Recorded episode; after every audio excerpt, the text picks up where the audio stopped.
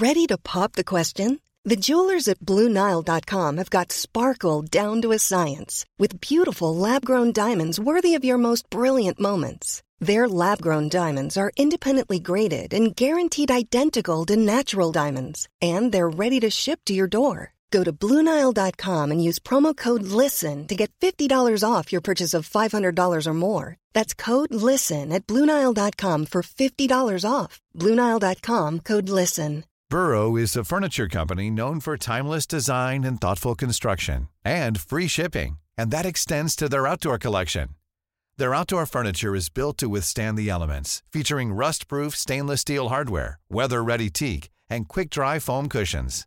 For Memorial Day, get 15% off your Burrow purchase at burrow.com slash ACAST and up to 25% off outdoor. That's up to 25% off outdoor furniture at burrow.com slash ACAST.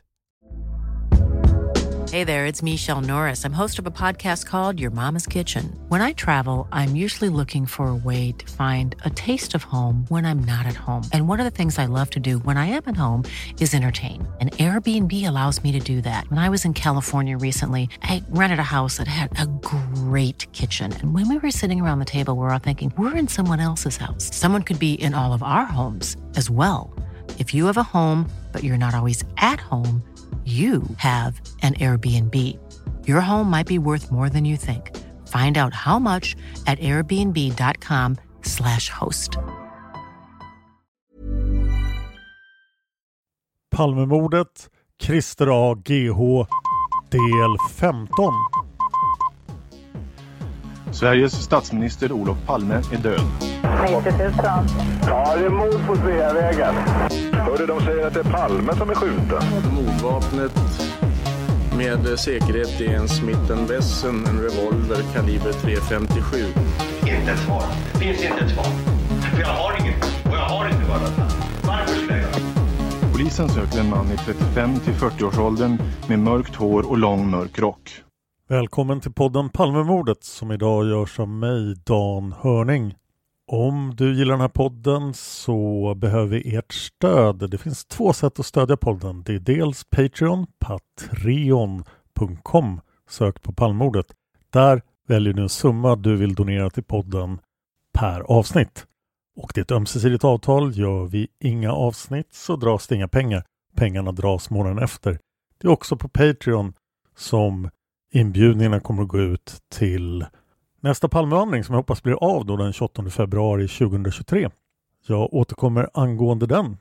Jag vill lägga ett gott ord för Palmemordsarkivet.se och deras Facebookgrupp FUP och övriga handlingar. Det är ju alltså en koordinerad insats för att få ut alla dokument från Palmeutredningen och det har varit oerhört användbart för att kunna göra de här Christer-avsnitten. Jag rekommenderar också Flashback-tråden i ämnet Christer A. Jag vill också rikta ett tack till Johan Eriksson för hjälp med manus och research.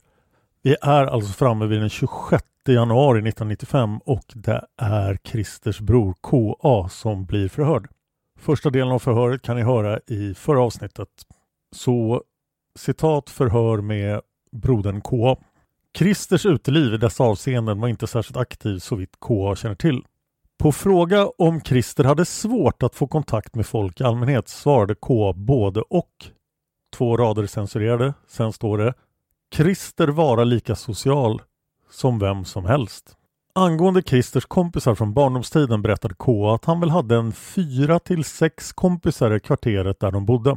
K menar också att det är ju nio års skillnad mellan honom och Christer så det hade just inte varit så mycket gemensamt under uppväxtåren. Så vitt KA kan erinra sig flyttade Christer hemifrån vid 17-18 års åldern, i alla fall före lumpen. Lumpen gjorde han i Linköping på ett trängregemente, sannolikt T1. Christers förhållande till sin far var gott menar KA. De var egentligen i många avseenden ganska lika och gick bra ihop. De tyckte helt enkelt om varandra tror KA. Christer har alltid varit behjälplig vid olika sammanhang. Här är fem rader censurerade. Och censurraderna slutar med de fyra orden utan glädje för någon. Beträffande Christers politiska engagemang berättade K följande. Hemma hos föräldrarna förekom inga politiska diskussioner.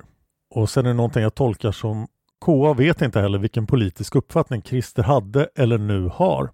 KA placerar dock Christer på den borgerliga sidan. Christer försöker nog se till hela landets bästa när det gäller politiska beslut. Någon gång kunde man efter någon tidningsartikel eller framträdande på TV kommentera det sagda. Så vitt KA vet har inte Christer på något utmärkande sätt eller överhuvudtaget kommenterat något politiskt beslut i skattefrågan.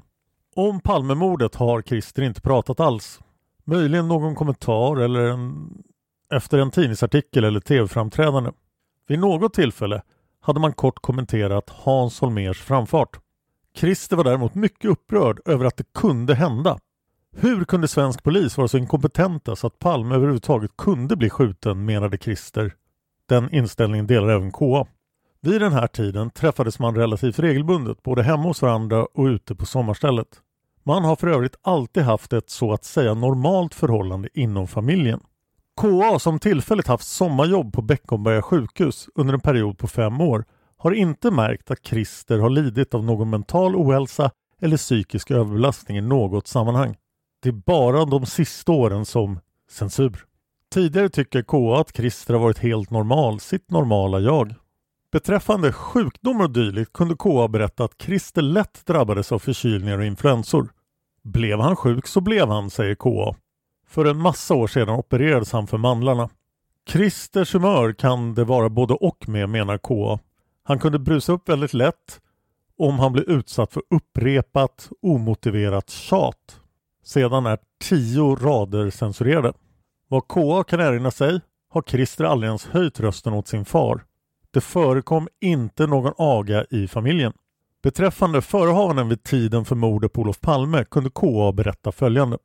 Under februari månad 1986 flyttade han in i sin nuvarande bostad. Christer hjälpte sporadiskt till med flytten, vilken inte skedde under en dag utan flyttade saker under hand månaden gick. Vid tiden för mordet hade KA flyttat över alla sina grejer till den nya bostaden. Han vaknade på förmiddagen den 1 mars och observerade att HSB hade sin flagga på halv stång. KA minns att han reflekterade över flaggan och han tänkte att det gällde i vart fall inte han själv. Han hade klarat sig och han anspelade då på flyttningsbestyren. Några timmar senare på dagen fick han höra nyheten genom radion. Ännu senare på eftermiddagen sammanträffade han med några kompisar och de gick tillsammans till Trångsunds värdshus. Det var första gången K var där och han har inte varit där sedan dess. Beträffande Christers förehavanden mordkvällen uppger K att han inte vet med 100% säkerhet. K erinrar sig att Christer hjälpte honom med uppsättningen av en mycket stor och tung spegel. Detta kunde möjligen ha skett på kvällen den 28 februari, dagen före mordet, eller möjligen någon dag dessförinnan, tror KA. KA tillfrågas om han minns något särskilt med Christer vid detta tillfälle. Undertecknad ombedes att förklara frågan och förtydligar den med att fråga om Christer uppträdde på ett för KA ovanligt sätt eller om han eventuellt gick med krycka eller om det var något annat speciellt med Christer som KA la märke till. KA förklarar att han inte kan minnas att det var något speciellt med Christer vid tillfället i fråga. Han var inte stressad eller visade något avvikande beteende som KA reagerade över. Inte heller att han var sur eller grinig, irriterad, deppig eller liknande. KA minns helt enkelt inget speciellt med Christer utan denne var som han brukar. KA vet således inte var Christer befann sig under mordkvällen natten. Och här måste jag flika in min anmärkning. I det här förhöret minns inte KA att Christer hade influensan. Det är en ganska stor grej. Protokollet fortsätter. KA återkommer här till Christers enstöringsliv. Han vill påtala att Christer själv valt detta och inte tvingats till det beroende på att han inte har kunnat umgås med andra människor. Förhörsledaren informerar KA i korthet om en polismans sannolika besök ute vid sommarstugan under försommaren 1990 i avsikt att uppsöka Christer i samband med hans innehav av den aktuella revolvern. Christer hade själv berättat för KA om händelsen som han hade uppfattat den. KA tillfrågas här om han skulle kunna bringa klarhet i om besök vid sommarstugan skett så som det sagts och vem som då träffade polismannen. Efter tänkande och diskuterande med undertecknad kommer KA fram till att han inte kan förklara sammanhanget. Han förstår inte. Sommarstugan har aldrig varit utlånad eller uthyrd. Inte heller har det så vitt är känt varit inbrott i stugan. KA är dock helt säker på att det inte var han själv som var där.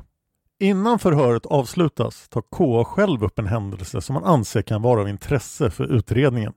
1981 flyttade någon, det är censurerat vem. Vid något tillfälle stod han lutad mot dörrposten till balkongen.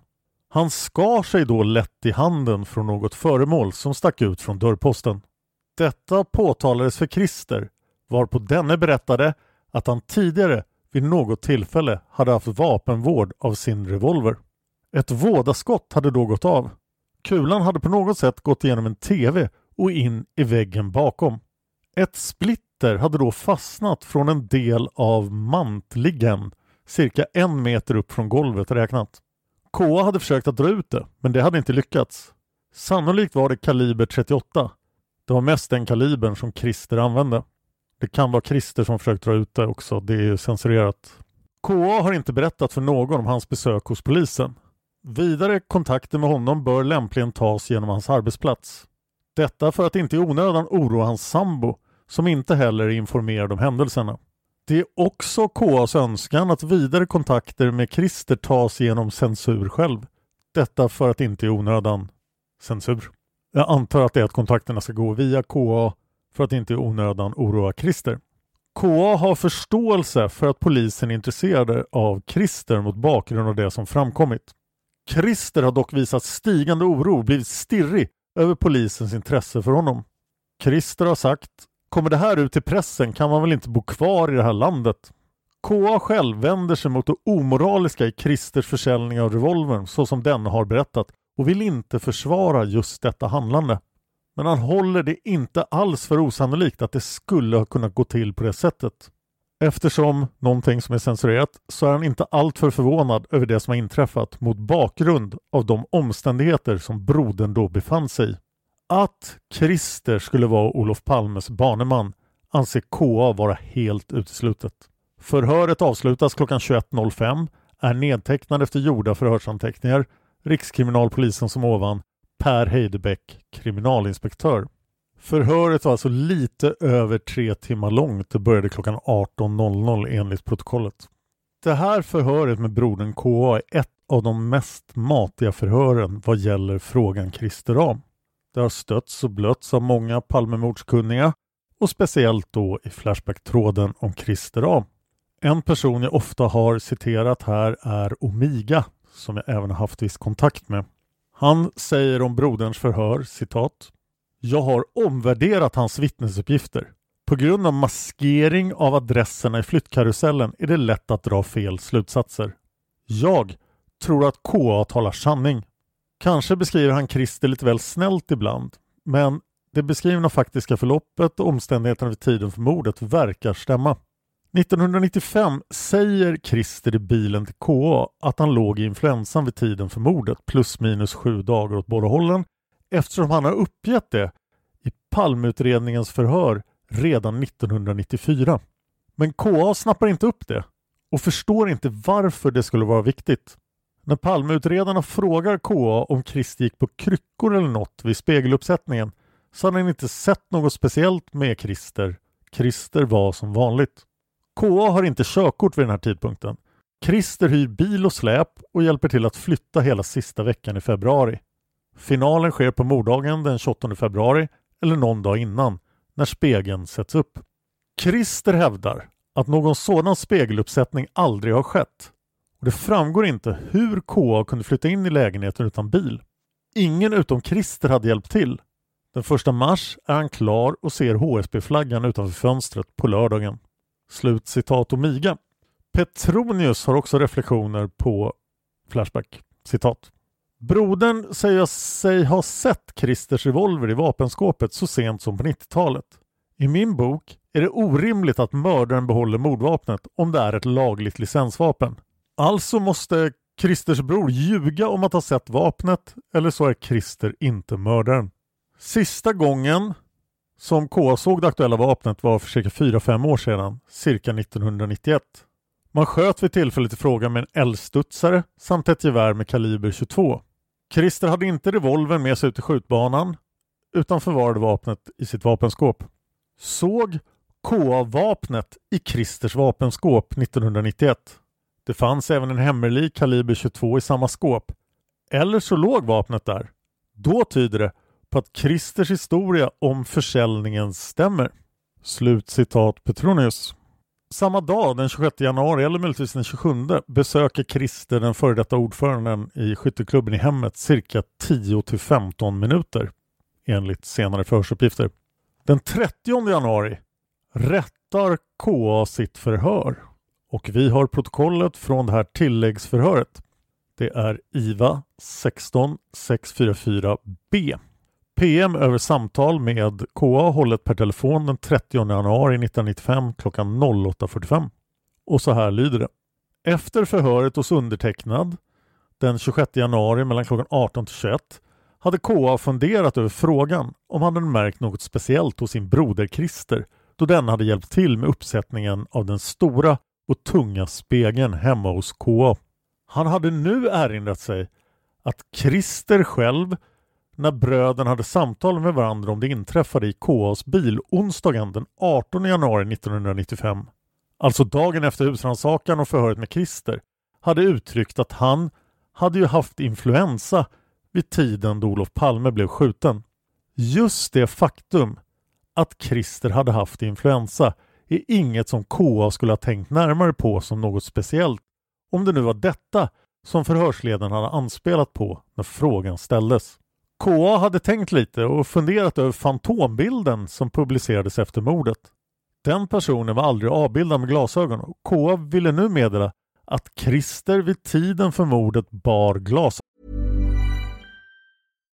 If you're looking for plump lips that last, you need to know about Juvederm lip fillers. With Juvederm Volbella XC and Juvederm Ultra XC, your lip look, whether it's subtle or bold, can last up to one full year with optimal treatment and no additional maintenance. Find a licensed specialist and see if it's right for you at juvederm.com today. That's J U V E D E R M.com. Add fullness to lips in adults over 21 with Juvederm Volbella XC or Juvederm Ultra XC. Do not use if you have severe allergies or a history of severe allergic reactions, or if you're allergic to lidocaine or the proteins used in Juvederm. Tell your doctor if you have a history of scarring or taking medicines that decrease the body's immune response or that can prolong bleeding. Common side effects include injection site redness, swelling, pain, tenderness, firmness, lumps, bumps, bruising, discoloration, or itching. As with all fillers, there's a rare risk of unintentional injection into a blood vessel, which can cause vision abnormalities, blindness, stroke, temporary scabs, or scarring.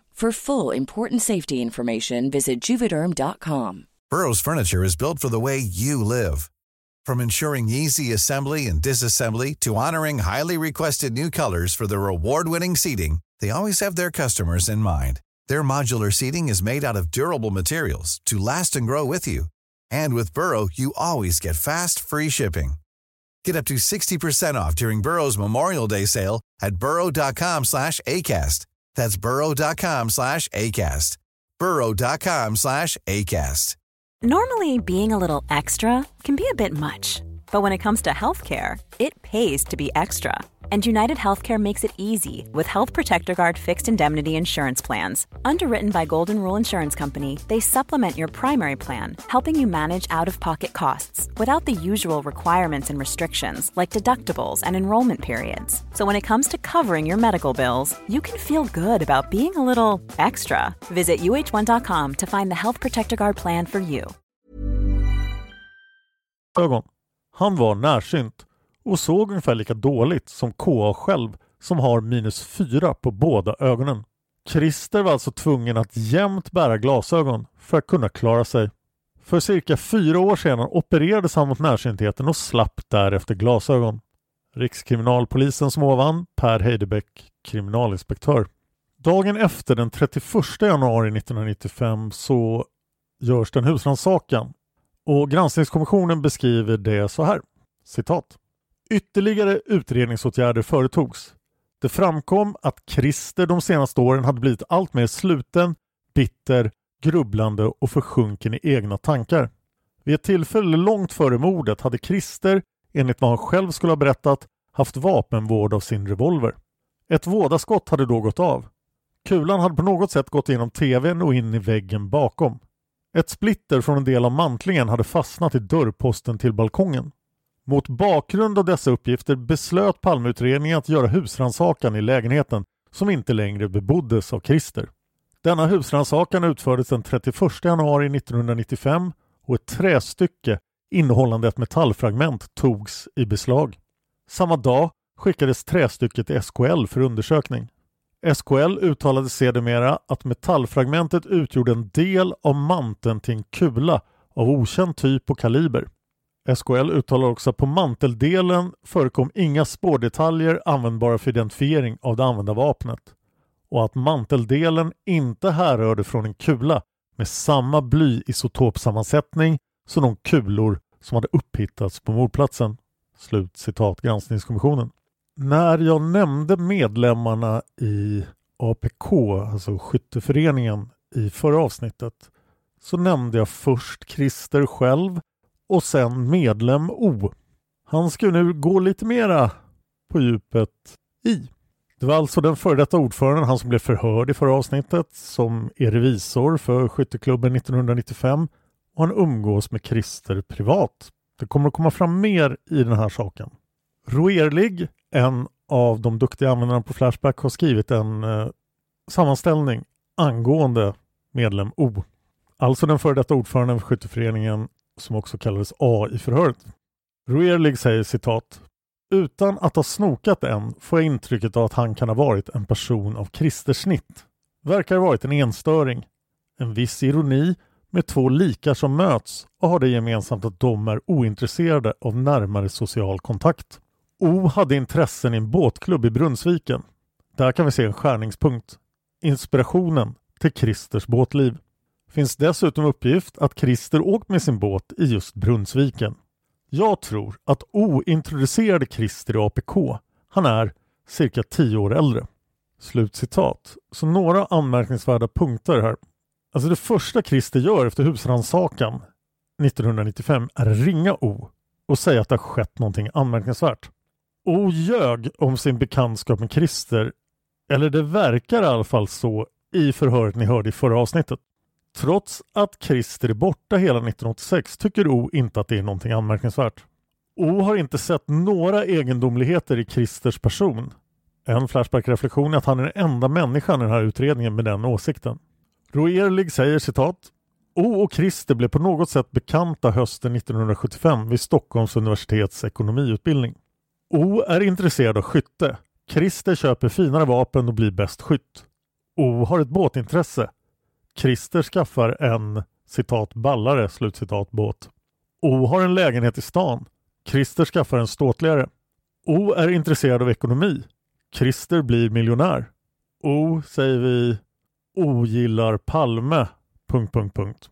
Slutcitat Roerlig, men Roerlig har även tittat på bouppteckningen för O. Och där konstaterar han följande citat. Inga legala arvingar. Testamenterar huvuddelen till kusinbarn. 25 000 kronor till APK. 50 000 till Armémuseets vänner. Vapnen till en person i Sundbyberg. Hävdar att han ska testamentera till Sverigedemokraterna men ändrar sig tydligen. Och det förekommer ett fritidshus i Nykvarn. Roelig har märkt det med skjutplats? Frågetecken. Slutcitat. Ordföranden O kommer snart tillbaka i handlingen men först vill Christers bror KA rätta sitt förhör igen. Det finns ett protokoll från det tillfället, IVA 16644C. Det lyder som följer. PM över genomgång av förhör med censur. Torsdagen den 2 februari 1995 klockan 16.30 besöktes undertecknad på RKPA av KA för delgivning av det förhör som hölls med honom den 26 januari 1995. KA vill härmed göra följande justeringar och tillägg. På sidan 1 i slutet av tredje stycket i meningen ”de hade träffats” etc. vill KA helt stryka slutet i meningen citat ”och inte i samband med något skytte”. Slutcitat. Meningen löd alltså ”de hade träffats enskilt och inte i samband med något skytte” men han ville bara ha ”de hade träffats enskilt”. Rättelseprotokollet fortsätter i meningen efter vill KA framhålla att det inte var Christer själv som spontant hade sagt att det fanns 9-10 stycken personer i klubben som hade vetskap om etc. Utan detta hade Christer svarat efter att KA frågat honom om just detta.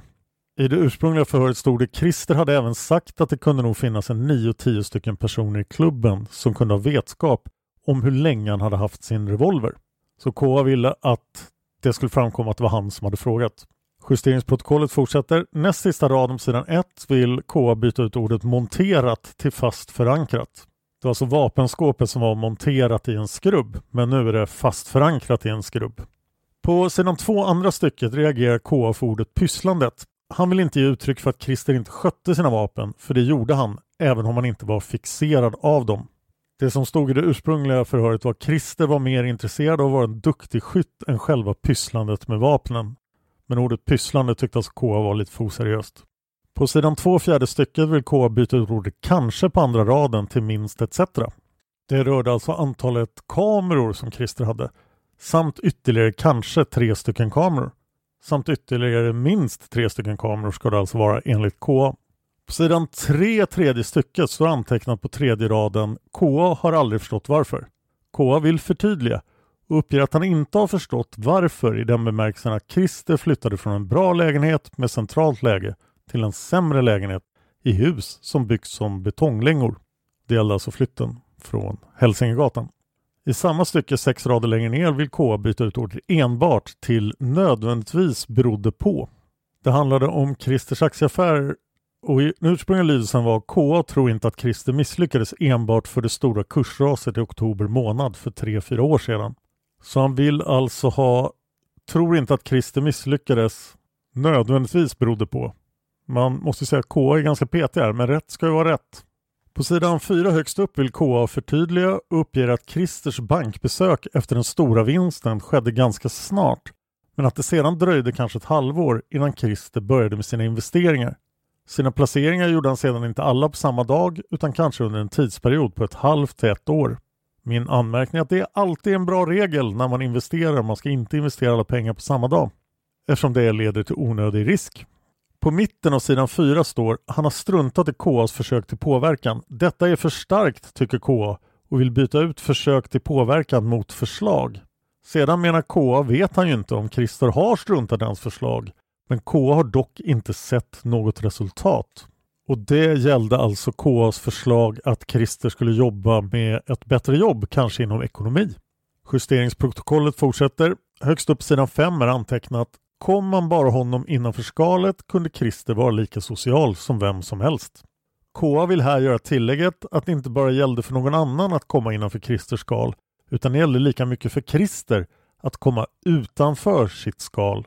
Andra stycket sidan 5 står noterat att det är nio års skillnad mellan bröderna.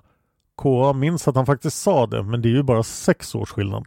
Min anmärkning är att ni kan alltså läsa båda de här förhörsprotokollen om ni går till palmordsarkivet.se. Justeringsprotokollet fortsätter. I mitten av näst sista stycket på sidan 5 i samband med att KA placerar Christer på den borgerliga sidan vill KA göra det tillägget, vilket han också nämnde under förhörstillfället, att han tror att Christer kan vara folkpartist eller moderat just i den ordningen. Min anmärkning för unga lyssnare, folkpartist är alltså samma sak som att man röstar på Liberalerna idag. Ungefär. Det är i alla fall samma parti. Justeringsprotokollet fortsätter. På sidan 6 rad 18 är antecknat hantering, vilket KA tycker är missvisande och vill ändra ordet till humör. Som exempel uppger KA och det är censurerat. I sista stycket på sidan 6 är noterat att Christer hjälpte sporadiskt till med flytten. Detta är inte riktigt. Christer hjälpte till med flytten. Det var han som hyrde bil, körde och hjälpte till att bära. KA hade ingen annan hjälp. I detta sammanhang vill KA förtydliga och berätta att själva flytten skedde under cirka en veckas tid. Han höll inte på hela februari månad. Högst upp på sidan 7 vill KA helt stryka meningen han hade klarat sig och han anspelade då på flyttningsbestyren. I samma stycke vill KA lägga till att han vaknade mellan 10.00 och 10.30 den 1 mars och att klockan var cirka 14.00 då han fick höra om mordet på radion. Kan vara osäkert med klockslagen, säger KA dock. Mitt på sidan 7, sista raden, är antecknat att KA vet således inte var Christer befann sig under mordkvällen och natten. KA tycker det är mer riktigt att skriva att han inte med säkerhet vet var Christer befann sig under mordkvällen och natten. Längst ner på sidan 8 står bakgrund och de omständigheterna som brodern etc. K vill ha lagt ordet ekonomiska, alltså de ekonomiska omständigheterna och ingenting annat. Ett PM upprättad av undertecknaren den 30 januari, det var den förra kompletteringen, även detta delgivet. Efter gjorda ändringar, tillägg och justeringar lämnar KA förhöret utan erinran. Det har då lästs igenom två gånger. Delgivningen avslutas klockan 17.40 Stockholm som ovan Per Heidebäck, kriminalinspektör. Samma dag, den 2 februari 1995 klockan 16.00 förhörs den före detta ordföranden O igen. IVA 16655B Protokoll fört vid förhör med, hans namn är censurerat.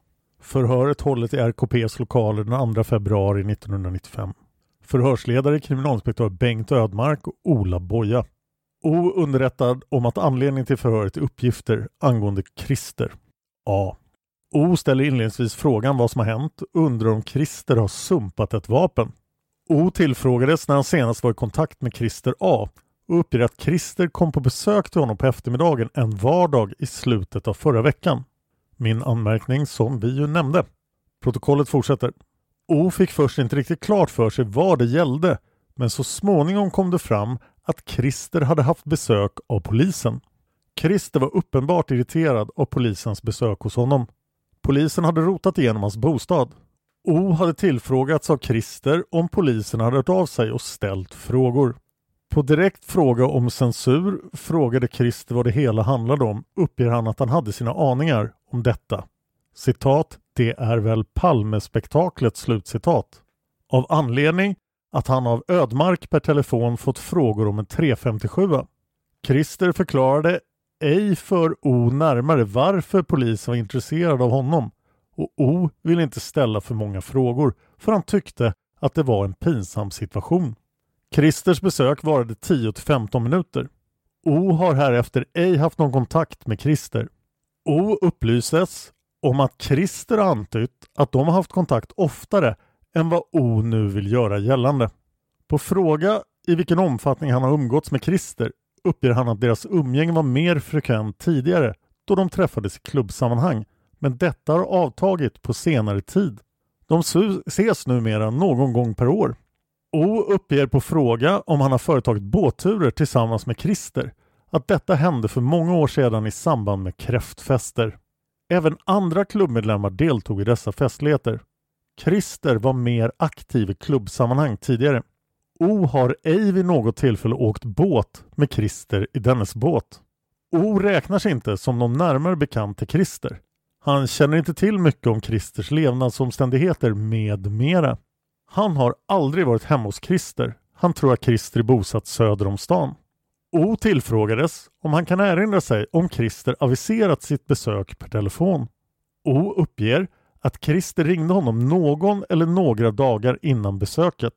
Christer sa att det hade hänt någonting anmärkningsvärt men berättade inte just då vad i detta anmärkningsvärda skulle bestå i.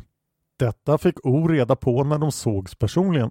O tror att huvudanledningen till Christers besök var att denne ville veta vilka frågor polisen hade ställt. O tillfrågats hur han har erhållit uppgiften att Christer blivit av med ett vapen och uppger att detta har han räknat ut med ledning av de frågor han fått om Christers vapeninnehav samt genom de upplysningar han fått av Altin med vilken han har samtalat om saken. Christer har ej ens antytt att han förlorat något vapen eller ens pratat om sin 357. O kan inte exakt komma ihåg vilka typer av vapen Christer innehade men har för sig att det kunde röra sig om ett finkalibrigt. Angående Christers skytteframgångar uppger O att denne var relativt duktig och att denne fick priser någon gång ibland. Det framhålles för O att enligt de resultatlistor som finns var Christer A en av skytteklubbens mer framgångsrika skyttar och att det måste anses som märkligt att inte klubbens tidigare ordförande kan komma ihåg dessa framgångar och inte heller vet vilka vapen denna skyttestjärna hade. O uppger att det finns fler medlemmar som är duktiga skyttar och han vill inte beteckna Christer som en särskilt anmärkningsvärd duktig skytt. På fråga hur det kan komma sig att när O vid den första telefonkontakten med polisen fick klart för sig att det gällde upplysningar om Christer A inte redan då berättade att han nyligen hade talat med Christer per telefon. O uppger att han ville först ta reda på den riktiga anledningen till polisens frågor och ville dessutom inte bli inblandad. Han ville ligga lågt och inte avslöja att han hade haft kontakt med en person som polisen intresserade sig för. Han uppger vidare att han är van vid rättsliga frågor från sitt arbete och lämnar inte ut information per telefon hur som helst. O uppger att under tidigt 80-tal hade skytteklubben en så kallad ammunitionslicens i enlighet med de regler som då gällde. Vapeninnehavarna var då hänvisade att köpa sin ammunition genom klubben. Man kunde via materialförvaltaren beställa den typ av ammunition man hade behov av. Inga anteckningar gjordes om vilken ammunition respektive klubbmedlem köpte. Klubben hade ingen egen hemladdningsutrustning.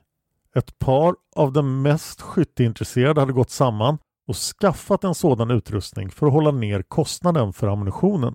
O själv använde ej denna utan köpte sin ammunition på vanligt sätt. Han kan ej erinra sig någonsin ha köpt 357 patroner för egen eller för annans räkning. O uppger på fråga att Christer A säkerligen helt införstådd med det regelverk som gäller för vapenhantering. Angående Christers ekonomi uppger O att Christer under 80-talet hade en ganska god ekonomisk ställning. Han höll då på med aktier, liksom O själv. O kan inte komma ihåg om han med Christer diskuterat den under mitten av 80-talet omtalade höjningen av omsättningsskatten på aktieaffärer. O minns heller inte vilken verkan höjningen fick på aktiekurserna. Han uppger på fråga att han inte minns om han vid något tillfälle har pratat politik med Christer, men han utesluter inte att så kan ha skett. Han har dock ingen uppfattning om Christers politiska inställning eller ens om denne var politiskt intresserad. och vet ingenting om Christers inställning till Palme. Det är något de aldrig har avhandlat. På direkt fråga om han med Christer diskuterat mordet på Olof Palme uppger han att detta kan han säkerligen ha gjort. Eftersom han, liksom många andra, gjort detta med en mängd människor. O betecknar Christer som en fridsam natur som aldrig var i gräl eller i bråk med någon. Christer var något av en enstörning och hade vad O vet ingen särskild kamrat att umgås närmare med. Planning for your next trip? Elevate your travel style with Quince. Quince has all the jet-setting essentials you'll want for your next getaway, like European linen, premium luggage options, buttery soft Italian leather bags, and so much more. And is all priced at 50 to 80% less than similar brands. Plus, Quince only works with factories that use safe and ethical manufacturing practices. Pack your bags with high-quality essentials you'll be wearing for vacations to come with Quince. Go to quince.com/pack for free shipping and 365-day returns. Cool fact a crocodile can't stick out its tongue. Also, you can get health insurance for a month or just under a year in some states. United Healthcare short term insurance plans, underwritten by Golden Rule Insurance Company, offer flexible, budget friendly coverage for you. Learn more at uh1.com. Even when we're on a budget, we still deserve nice things. Quince is a place to scoop up stunning high end goods for 50 to 80% less than similar brands. They have buttery soft cashmere sweaters starting at $50, luxurious Italian leather bags, and so much more. Plus, Quince only works with factories that use safe, ethical, and responsible manufacturing. Get the high-end goods you'll love without the high price tag with Quince. Go to quince.com/style for free shipping and 365-day returns.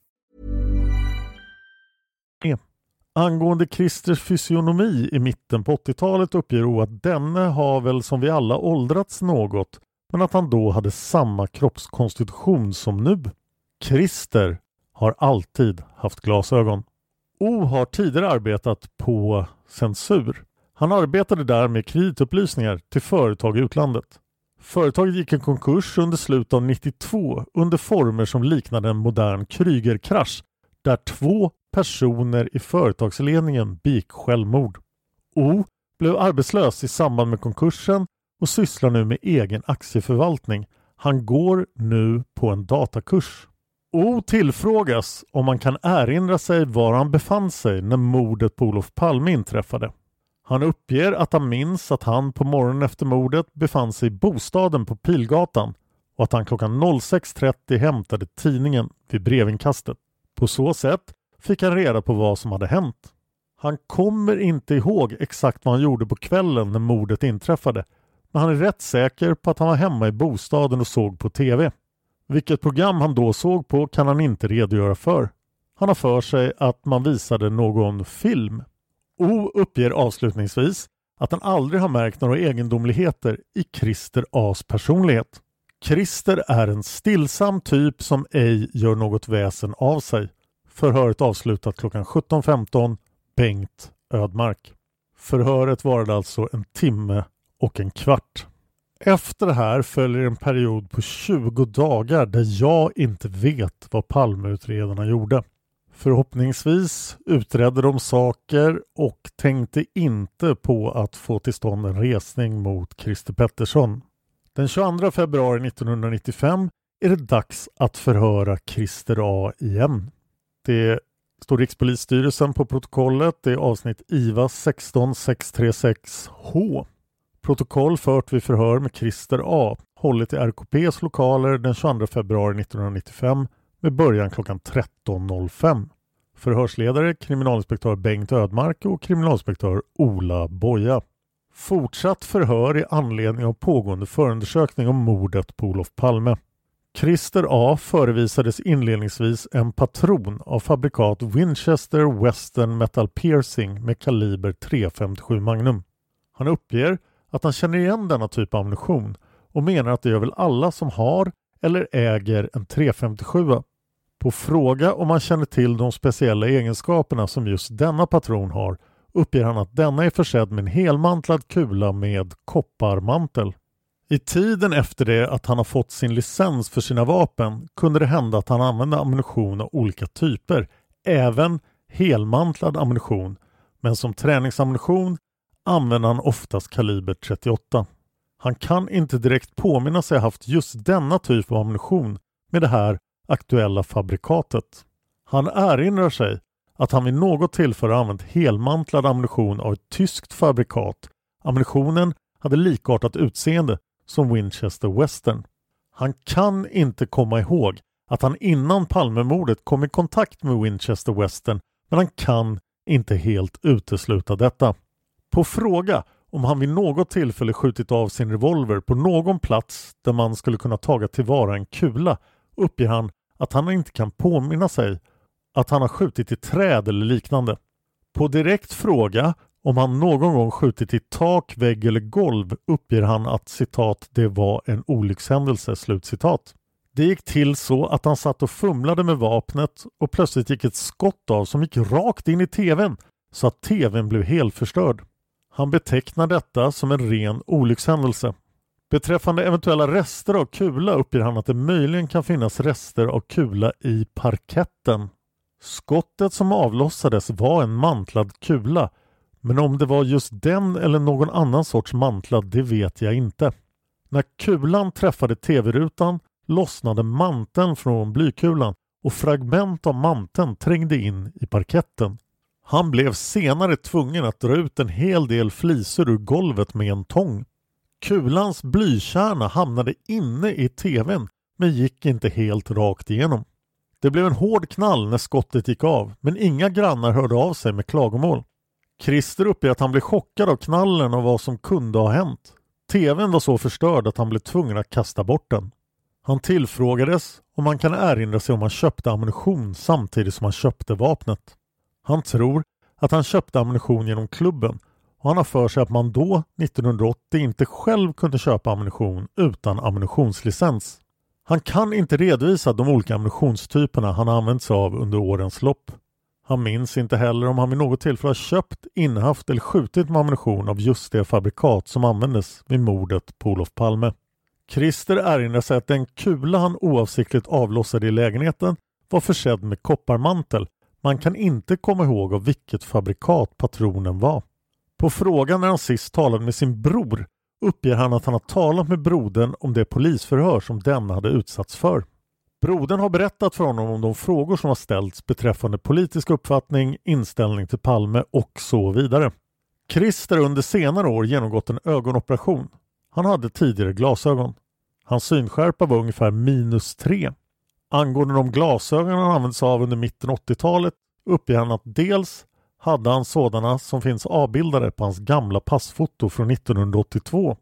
Dels ett par han fick i lumpen och eventuellt ytterligare några. Han uppger på fråga att hans mörkerseende var normalt. Beträffande sina förehavanden under kvällen den 28 februari 1986 vidhåller Christer att han var hemma i bostaden och att han var sjuk. Han hade varit sjuk hela veckan före mordet till hela veckan efter mordet, sammanlagt tio dagar till två veckor. Han var så dålig att han mestadels låg i sängen, förutom de gånger han gick ut för att handla. Han hade inte något besök under denna sjukperiod och han besökte själv ingen under denna tid. Han uppger att då mordet inträffade förvarade han sin revolver i bankfack eftersom det inte var skjutsäsong då. Han brukade ta fram sina vapen på vårkanten då träning och tävlingsperioden började. På fråga om man kan erinra sig när hans bror flyttade in i lägenheten uppger han att detta skedde i anslutning till att han själv flyttade. På direkt fråga om han kan komma ihåg att han har hjälpt sin bror med att montera upp en spegel i lägenheten uppger han att detta skedde när brodern var bosatt där. Det rörde sig om en lång tung spegel som täckte en hel vägg. Beträffande tidpunkten för spegeluppsättningen kan Christer inte ge någon annan tidsangivelse än att det måste ha skett någon tid efter broderns inflyttning. På fråga om det kan ha skett vid tiden för mordet på Palme uppger Christer att så inte kan vara fallet.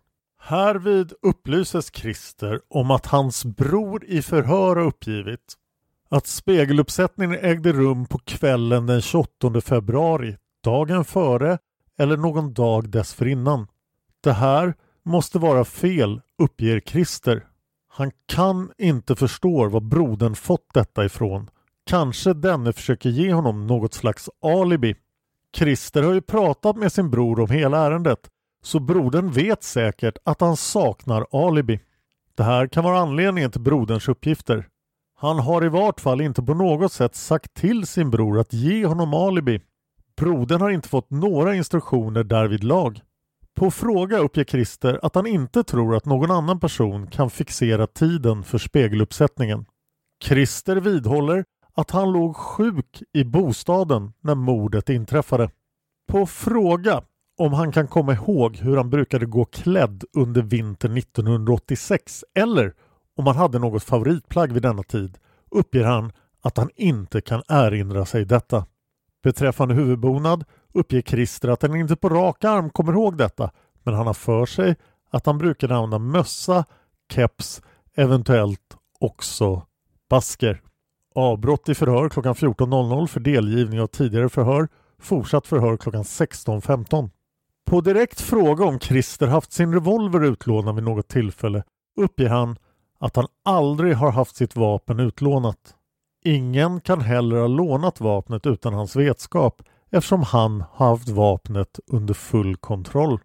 Beträffande de i tidigare förhör omnämnda kallelserna uppger Christer att han inte kan komma ihåg att han har fått dessa kallelser eller har läst dem.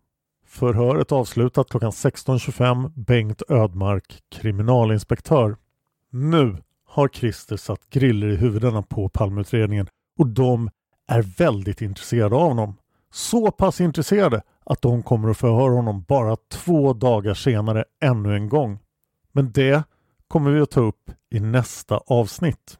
Jag finns på Youtube, Twitter och Instagram. Jag heter Dan Hörning så är lätt att hitta. Följ mig gärna där. Vi vill gärna ha iTunes-recensioner av den här podden. Lyssnar du på en Apple-enhet så lämna gärna en iTunes-recension. Jag läser alla iTunes-recensioner i podden om inte Tobias gör det. Du kan mejla Tobias och min assistent Eva på podden Palmemordet gmail.com. De skickar vidare till mig. Om du vill koppla av från Palmemordet och hellre lyssna på svensk fantasy så rekommenderar jag podden Dan Hörningsböcker. Ja, det är jag som läser mina egna romaner och det rör sig om svensk fantasy. Jag jobbar på en tredje roman i podden. Det finns alltså två hela romaner i podden. Den är helt gratis och du hittar podden där du hittar Palmemordet. Den heter alltså Dan Hörningsböcker. Tack till alla som sponsrar Palmemordet. Glöm inte att märka era swishar med Palmemordet och ett specifikt spår om det är någonting ni särskilt vill höra.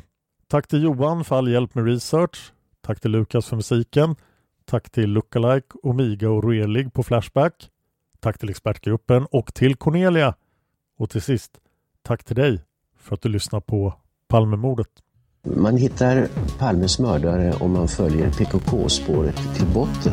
Därför att ända sedan Julius Caesars tid har det aldrig hört talas om ett mord på en framstående politiker som inte haft politiska skäl. Polisens och åklagarens teori var att han ensam hade skjutit Olof Palme. Och det ledde också till rättegång. Men han frikändes i hovrätten. Nu ska vi ut på rövarstråt. Ja, vi ska ut och röva.